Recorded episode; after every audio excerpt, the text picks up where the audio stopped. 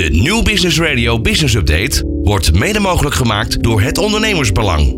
Het online platform voor en door ondernemers.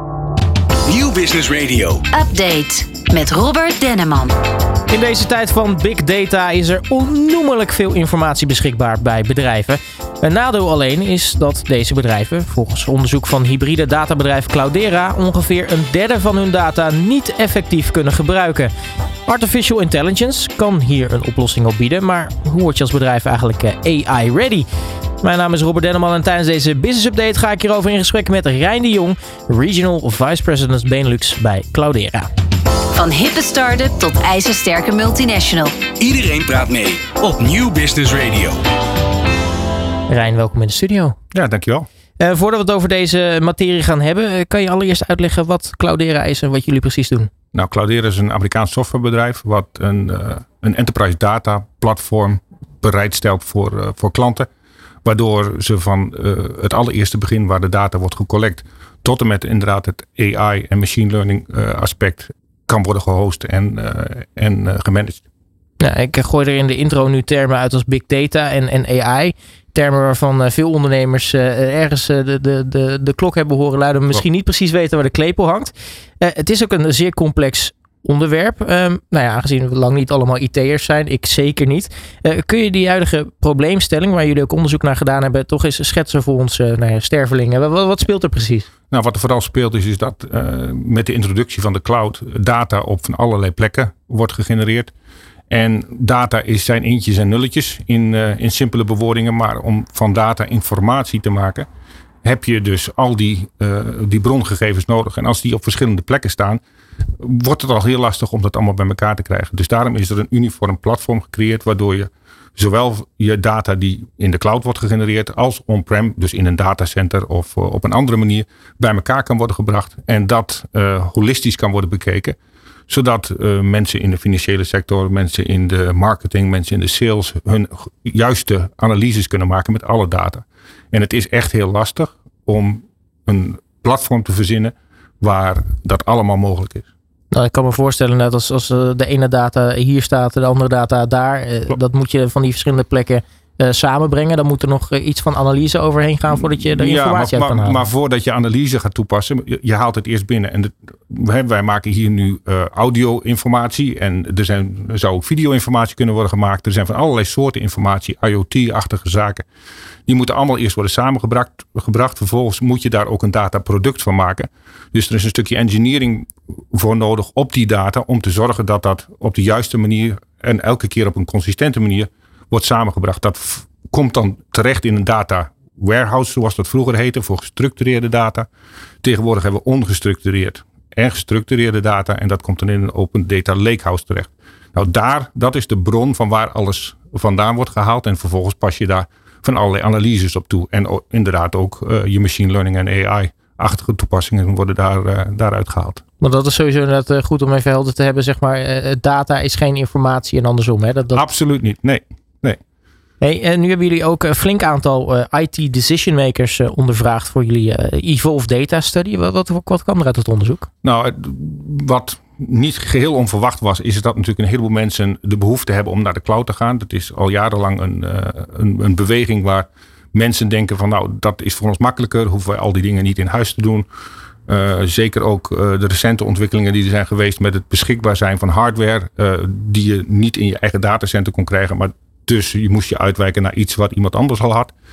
Um, dat, dat is echt een, een beweging die, die plaatsvindt. Alleen dat ze ook gelijk concluderen dat ze die data silo's gaan creëren. Ze, ze hebben iets in de Amazon Cloud, ze hebben iets in de Google Cloud.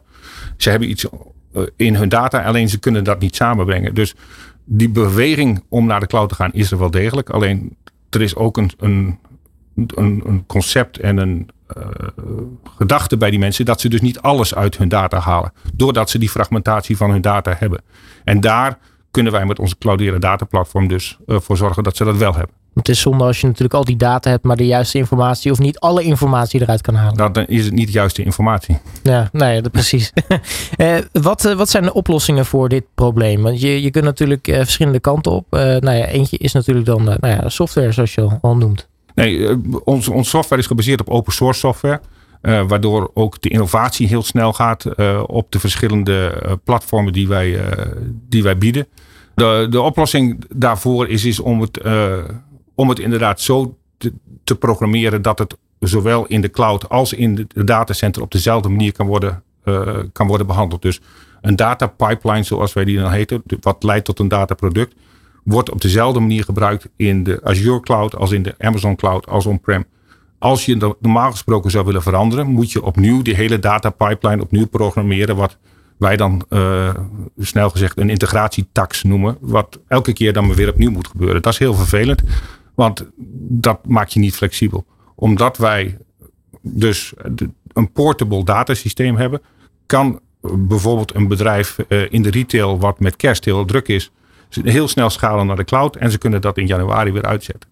En uh, daardoor zonder daar, dat daar die herprogrammering moet plaatsvinden, is dat, uh, is dat voor klanten een, een groot voordeel. Ja, want eigenlijk als ik het goed begrijp, de, de, de software biedt eigenlijk een, nou ja, een mogelijkheid om, om de data te, te kunnen analyseren. Dus echt de informatie eruit te kunnen halen, overzichtelijk. Het, het presenteren. Wij, wij presenteren vooral de data. Wij omdat wij op open source functioneren, zijn wij ook een eco-friendly bedrijf. Dus wij werken ook samen met bedrijven die analytics tools maken. Heeft, uh, Azure heeft eigen analytics tools. Uh, dat heeft Google, die heeft Amazon ook. En die, er zijn ook derde partij analyse, analyse producten. Dus die kunnen ook op ons platform werken.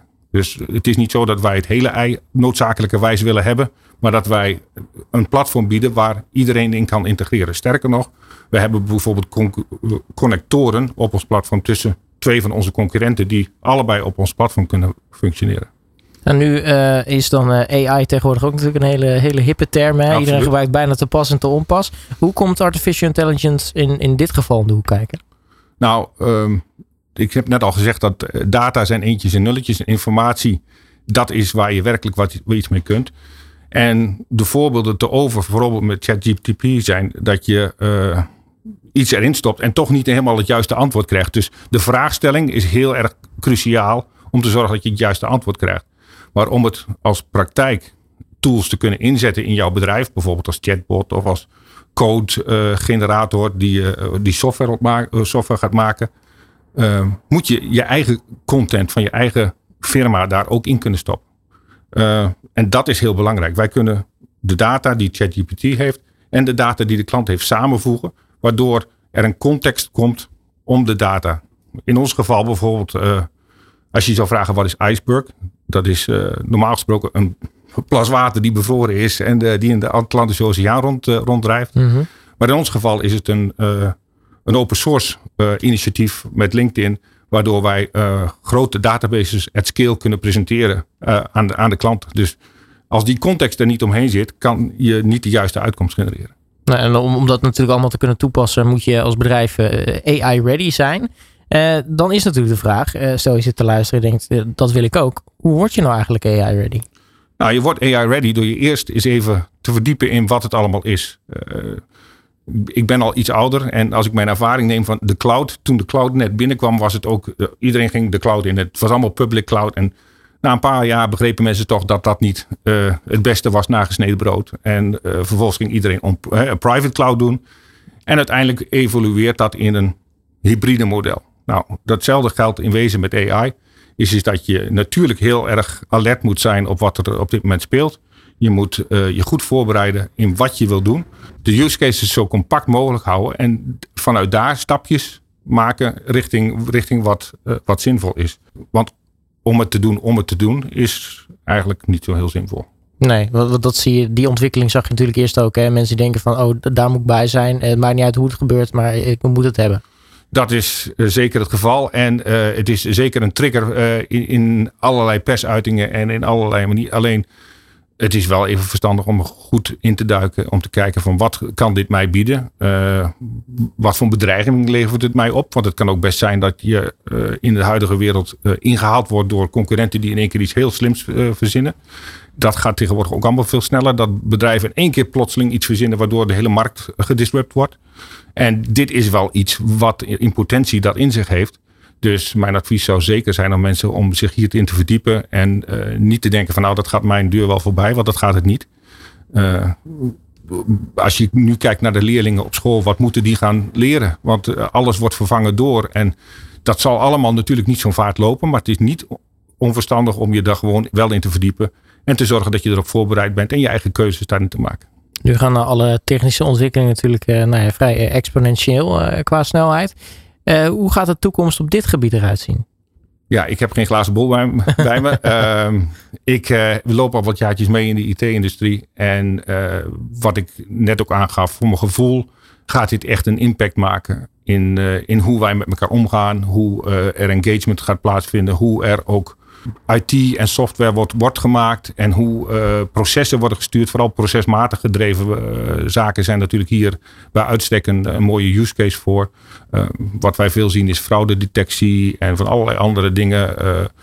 preventive maintenance van grote, grote wagenparken die, die heel goed en inzichtelijk kan worden gemaakt. Al dit soort use cases zijn heel heel tastbaar om, om nu al te doen. En daar kun je dus met AI en machine learning al stapjes maken.